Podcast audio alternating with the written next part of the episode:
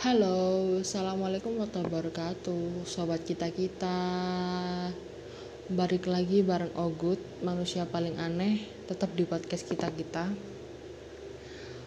Uh, malam ini adalah podcast gua yang paling malam, yang gua bikin yang paling malam. Karena ini udah jam 12 malam lebih tapi gue bikin podcast ini karena gue pengen sharing ke kalian tentang yang namanya penyesalan. Jadi gue baru aja ditelepon sama temen gue temen gue cerita tentang yang namanya penyesalan. Dia menyesal karena telah melakukan suatu hal gak bisa gue sebutin apa karena itu off the record. Dan dia merasa dirinya itu dirugikan gitu loh. Dia bener-bener merasa kalau gue itu bukan jadi orang yang lebih baik malah gue malah memperburuk diri gue sendiri dengan ini gitu. Jujur kalau ngomong penyesalan semua orang itu pasti punya yang namanya penyesalan ya kan? Manusiawi itu sifatnya. Gue sendiri pun juga pernah ada di posisi menjadi orang yang paling menyesal. 6 sampai 5 tahun belakangan gue merasa kalau apa ya penyesalan yang gue alamin itu bener gang bener bener ganggu mental gue gitu loh. Lima tahun belakangan enam sampai lima tahun belakangan tuh gue selalu hidup dengan penyesalan. Di mana rasa penyesalan gue itu selalu mempengaruhi emosional gue mental gue terus cara berpikir cara menghadapi orang itu bener-bener mempengaruhi itu gitu. Kenapa bisa sampai gitu karena gue berpikir dengan rasa penyesalan itu gue harus memperbaiki semuanya gitu. Apalagi puncaknya itu di tengah-tengah pandemi kayak kemarin gitu kan waktu puasa. Kita stay at home kita nggak bisa keluar kita cuma bisa ketemu orang atau uh, kita bisa ngobrol itu cuma via daring. Dunia kita bener-bener persegi persegi panjang yaitu rumah kamar dapur ruang tamu udah gitu doang gitu loh. Dunia bener-bener sesempit itu gitu. Nah apalagi orang yang kayak gue gitu. Gue punya sisi introvert tersendiri tapi gue bisa menyembunyikan itu. Jadi orang melihat gue seakan-akan gue ini orang yang ekstrovert gitu. Tapi emang sisi ekstrovert gue itu lebih dominan dari sisi introvert gue nah sejak pandemi itu sisi ekstrovert gue tuh mulai kayak apa ya uh, tertekan gitu loh. Jadi sisi introvertnya itu lebih dominan gitu. Di mana gue setiap malam sebelum tidur tuh selalu pikirannya tuh mulai mulai ke mana-mana selalu overthinking lah. Gue selalu berpikir tentang penyesalan gue gue takut di masa depan gue jadi orang yang buruk karena gue nggak bisa memperbaiki diri gue ataupun gue uh, apa ya ataupun gue berpikir kalau gimana ya hidup gue nantinya gitu. Gimana ya orang-orang di sekitar gue gitu. Penyesalan gue tuh nggak lain nggak bukan karena kesalahan gue sendiri gitu. Gue dulu waktu SMP nggak dibolehin orang tua gue pacaran tapi gue malah pacaran gitu di situ gue nggak bisa explore diri gue gue harus ngapain itu nggak bisa sesuai kemauan gue gitu loh. Gue bener-bener diatur gitu. Berteman diatur. Kamu nggak boleh berteman sama ini. Kamu pulang sekolah harus sama aku. Kamu mau ke, pergi ke mana harus aku yang nganter. After ini kamu harus gini nanti jam segini kita ketemu di sini. Nanti jam segini kamu les gini nanti kita ketemu ya gini. Gue selalu yang namanya diatur dan itu gue menyesal. Karena apa? Karena ternyata di masa itu ketika gue seumpama gue bisa keluar buat explore diri gue gue bakalan dapat banyak ilmu dan banyak pelajaran banget gitu. Itu kenapa gue menyesal. Menyesal banget. Karena uh, temen gue cerita gitu eh waktu zaman SMP gini gue zaman SMP gue nggak pernah ngerasain yang temennya temen berteman bener-bener temen nggak pernah gitu. Gue berteman itu hari ini sama ini besok sama ini lusa sama ini minggu depan sama ini gitu.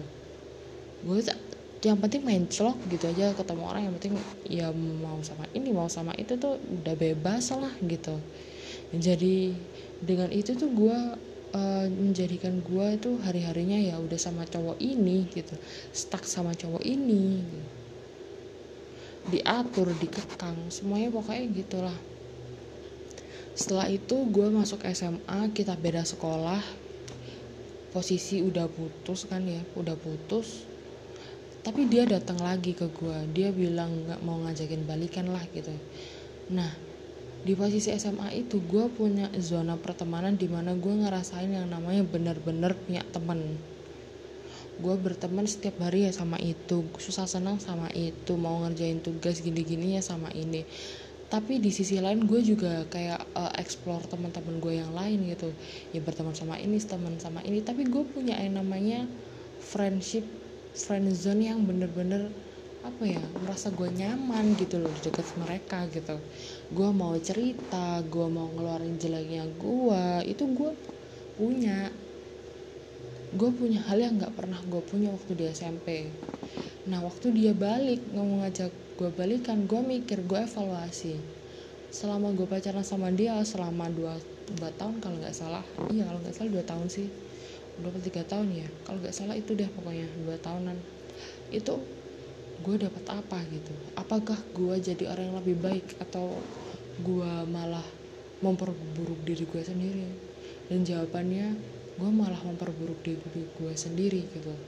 Gue nggak bisa eksplor apa yang gue mau. Gue nggak bisa yang namanya berteman dengan semua orang.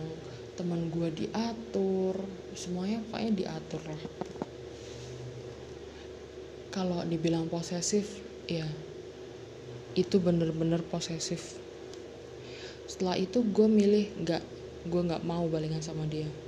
Gue harus memperbaiki diri gue gue harus nebus kesalahan yang udah gue lakuin di mana gue menyengsarakan diri gue sendiri dengan ah nurut sama omongannya dia gitu.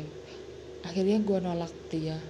Dan gue nggak tahu ya kan ternyata kedoknya dia kebongkar semuanya gitu. Kayak dia bilang kalau gue jadi lo gue nggak bakalan nolak buat balikan karena dua tahun itu bukan waktu yang singkat. Sama aja lu nyanyiin waktu lu dua tahun sama gue itu sia-sia percuma aja gitu. Lo nggak bakalan dapet apa-apa gitu. Nah berhubung waktu SMA gue udah nggak bodoh kayak waktu gue SMP gue bilang sama dia ya biarin masa lalu gue waktunya terbuang sia-sia yang penting masa depan gue itu waktu gue bermanfaat banget buat hidup gue dan gue tolak dia. Akhirnya gue keluar dari zona di mana teman-teman gue SMP sebenarnya teman-teman gue SMP itu uh, bukan teman sekolah gue teman luar pokoknya teman luar sekolah gitu. Teman-teman yang benar-benar merugikan buat gue yang gue anggap merugikan sama buat diri gue yang nggak bisa membuat diri gue lebih baik ataupun membuat diri gue semakin berkembang gitu itu gue tinggalin semuanya. Semuanya gue tinggalin termasuk cowok itu. Gue blokir akun sosmednya. Gue hapus nomornya gue ganti nomor yang baru. Gue ganti ganti provider baru sim card baru. Gue uh, apa ya bener-bener explore hal yang belum pernah gue lakuin waktu SMP dan gue buang sia-sia waktu SMP gitu. Di situ di waktu SMA gue nebus semua itu meskipun gue sebenarnya hidup di di antara kata gue menyesal. Gue hidup di antara kata-kata itu gitu. Bertahun-tahun gue selalu berambisi biar gue jadi lebih baik untuk untuk menebus kesalahan buat diri gue sendiri. Puncaknya di pandemi kemarin itu sampai gue mikir apa ya gue mikir kalau bener-bener gue gak berguna gitu percuma gue gue repot-repot memperbaiki diri tapi ternyata gue evaluasi diri gue itu gak ada baiknya masih an masih besaran rasa bersalah gue daripada hal yang buat gue termotivasi menjadi lebih baik gitu. Mesti besaran itu. Akhirnya berhari-hari gue selalu hidup di overthinking dengan rasa bersalah semua itu gue cerita deh sama temen gue gue akhirnya berani cerita ke orang yaitu sama bertahun-tahun gue nggak pernah cerita sama orang soalnya. Gue cerita sebenarnya gue mau cerita nih sama temen gue cewek. Tapi nggak semua hal gue ceritain sama dia. Ada dia itu teman gue kuliah satu kelas sama dia. Dia salah satu orang yang deket sama gue waktu kuliah ini. Jadi gini guys gitu. Gue manggil dia tuh PPT gini. Jadi PPT kayak gini deh gue ceritain tapi cuma garis besarnya aja sama uh, problem apa yang lagi gue alamin sekarang. Bukan cuma problem tentang masa lalu gue tapi problem problem yang lain gitu. Akhirnya setelah gue cerita gue merasa lega sendiri sih. Dia kasih wajan ke ke gue masih pun cuma jangan lupa berdoa sholatnya jangan lupa sholatnya itu yang kalau bisa tepat waktu. Doanya yang khusyuk jangan ditinggal sholatnya. Gitu-gitu padahal cumaan pokoknya intinya semakin mendekatkan diri gitu sama yang kuasa. Gitu. Akhirnya gue lebih tenang dan berhubung itu waktu puasa ya kan ya gue mencoba lebih baik. Karena itu bulan baik gue juga harus jadi orang baik juga pokoknya. Setelah itu setelah uh, seiring berjalannya waktu gue masih punya rasa penyesalan yang mendominasi di diri gue waktu itu. Tapi mulai sedikit demi sedikit itu hilang gitu. Nah balik lagi sama cowok yang bikin gue menyesal. Ternyata dia itu kayak orang kayak pengintai gitu loh guys. Ketemu gue di mana gitu. Dia selalu kayak yang namanya cari perhatian atau gak gitu gimana caranya gue bisa merhatiin dia pokoknya itulah. Gue lihat kalau dia itu ada. Tapi gue berhubung gue orangnya bodoh amat ya udah bodoh amat gitu. Karena gue udah bener-bener ogah gitu ogah ogah apa? Ogah kenal ogah tahu ogah berurusan pokoknya ogah-ogahan gue akhirnya uh, tertekan dengan sifatnya dia yang kayak gitu dengan pola dia yang kayak peneror bikin fake account pakai foto gua ngefollow akun gua ngefollow akun temen gua ngedm gua ngedm gua ngedm temen gua pokoknya banyak itu akhirnya di situ gua mikir wah ini orang ganggu psikis gua banget ini. Gua beraniin cerita sama temen gua cowok dia teman gue ada teman gue tapi teman teman bener-bener berteman ya kan? Gue cerita sama dia secara garis besar aja gitu tapi terus dia bilang sekali-kali gitu loh kasih pelajaran gitu. Nggak deh gitu. After itu gue mikir kalau gue pendam rasa penyesalan gue semakin besar. Akhirnya gue beraniin deh buat show up gue beraniin buat ngomong sama temen gue cewek. Ini temen gue dari kecil dari zaman gue masih bont lagi kok bont dari zaman gue masih seiprit sampai segede gaban gue ceritain ke dia apa yang jadi masalah hidup gue apa yang membuat gue tertekan gue show up ke dia. Gue ceritain lebih luas lagi lebih detail lagi. Akhirnya di situ gue merasa lega dan dia bilang kalau kamu hidup di antara penyesalanmu tapi kamu gak mau memperbaiki dirimu itu sama aja kayak tong kosong nyari bunyinya cuma ngomong tapi gak ada actionnya dia bilang gitu. Nah gue cerita sebenarnya gue itu bertahun belakang ini kayak gini kayak gini kayak dia bilang itu udah langkah untuk memperbaiki diri sebenarnya tapi kamunya aja yang gak pernah mau sadar sama lingkunganmu gitu Coba deh kamu sadar sama lingkunganmu lebih care lagi sama dirimu.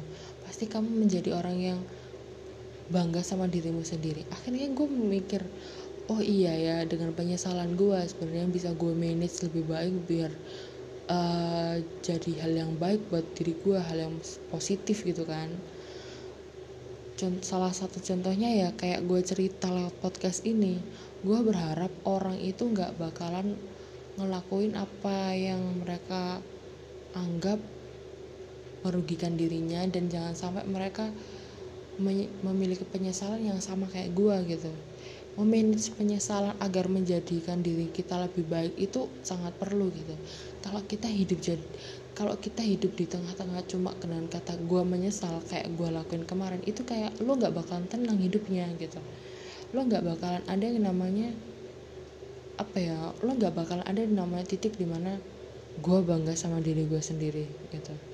Ketika gue memanage penyesalan itu dan gue lebih care sama diri gue gue lebih sadar sama lingkungan gue di situ gue menemukan. Akhir-akhir ini gue menemukan kalau ternyata uh, keputusan gue buat keluar dari zona itu ternyata punya efek besar ya buat hidup gue jujur nih gue nggak pernah dengerin orang tua gue ngomong aku bangga sama kamu.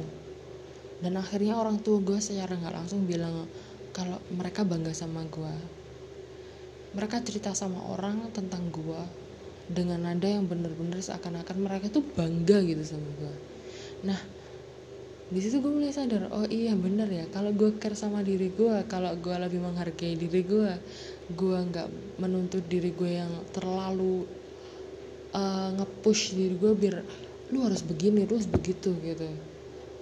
Terlalu ngepush diri gue dengan hal yang namanya gue menyesal gue bakalan nemuin di mana yang namanya tuh kedamaian diri di kedamaian di dalam diri gue sendiri. Di mana gue menikmati proses setiap prosesnya menjadi lebih baik gitu.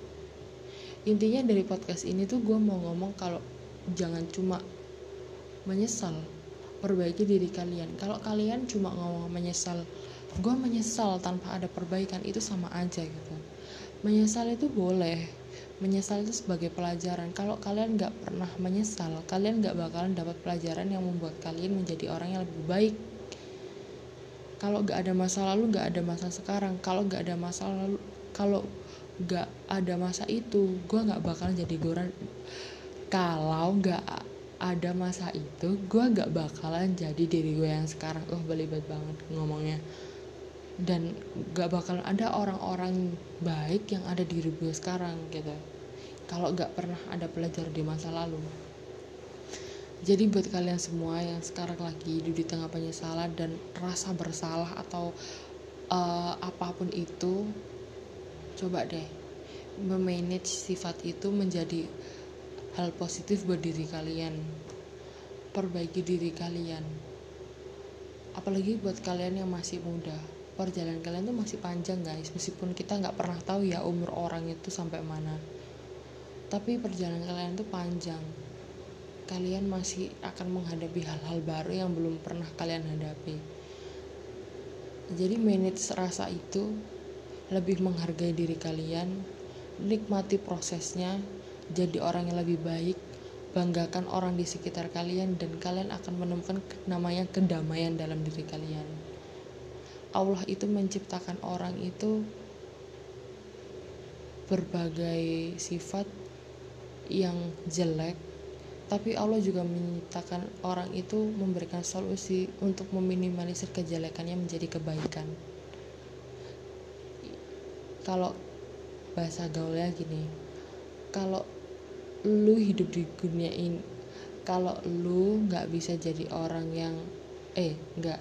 Kalau lu nggak bisa jadi orang baik paling nggak lu jadi orang yang berguna. Kalau lu nggak bisa nggak bisa bikin diri lo bahagia paling nggak lo bisa kasih kebahagiaan di orang sekitar lo kalau lo nggak bahagia guys tapi lo lihat orang sekitar lo bahagia secara nggak langsung itu kasih efek positif biar lo bahagia.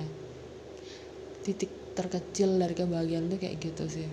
Apalagi orang tua lo lihat lo jadi orang sukses jadi orang yang bisa mereka banggakan lu bakalan ada di titik ya Allah terima kasih. Terima kasih banget. Sudah menghadirkan orang tua seperti ini sudah menghadirkan masa seperti itu sudah membentuk pribadi yang seperti ini. Terima kasih ya Allah. Aku bersyukur. Pasti lo bakalan bersyukur banget pokoknya lo bakalan bersyukur dan gue sedang menikmati proses. Gue lagi menunggu di mana masanya gue bakalan kasih orang tua gue hadiah ini buat bapak sama ibu. Gue bakal kasih mereka hadiah entah apa itu ke depannya entah itu uh, kemewahan entah itu apa atau apa. Yang penting gue pasti kasih hadiah buat orang tua gue segitu aja podcastnya jangan lupa rubah diri kalian menjadi lebih baik manfaatin waktu sebaik-baiknya minimalisir dan manajemen rasa menyesal ataupun rasa benci kalian sama diri kalian sendiri karena love yourself itu penting Selamat malam dan sampai jumpa di episode selanjutnya. Jangan lupa menjadi orang lebih baik ya. Bye bye sobat kita-kita. Wassalamualaikum warahmatullahi wabarakatuh.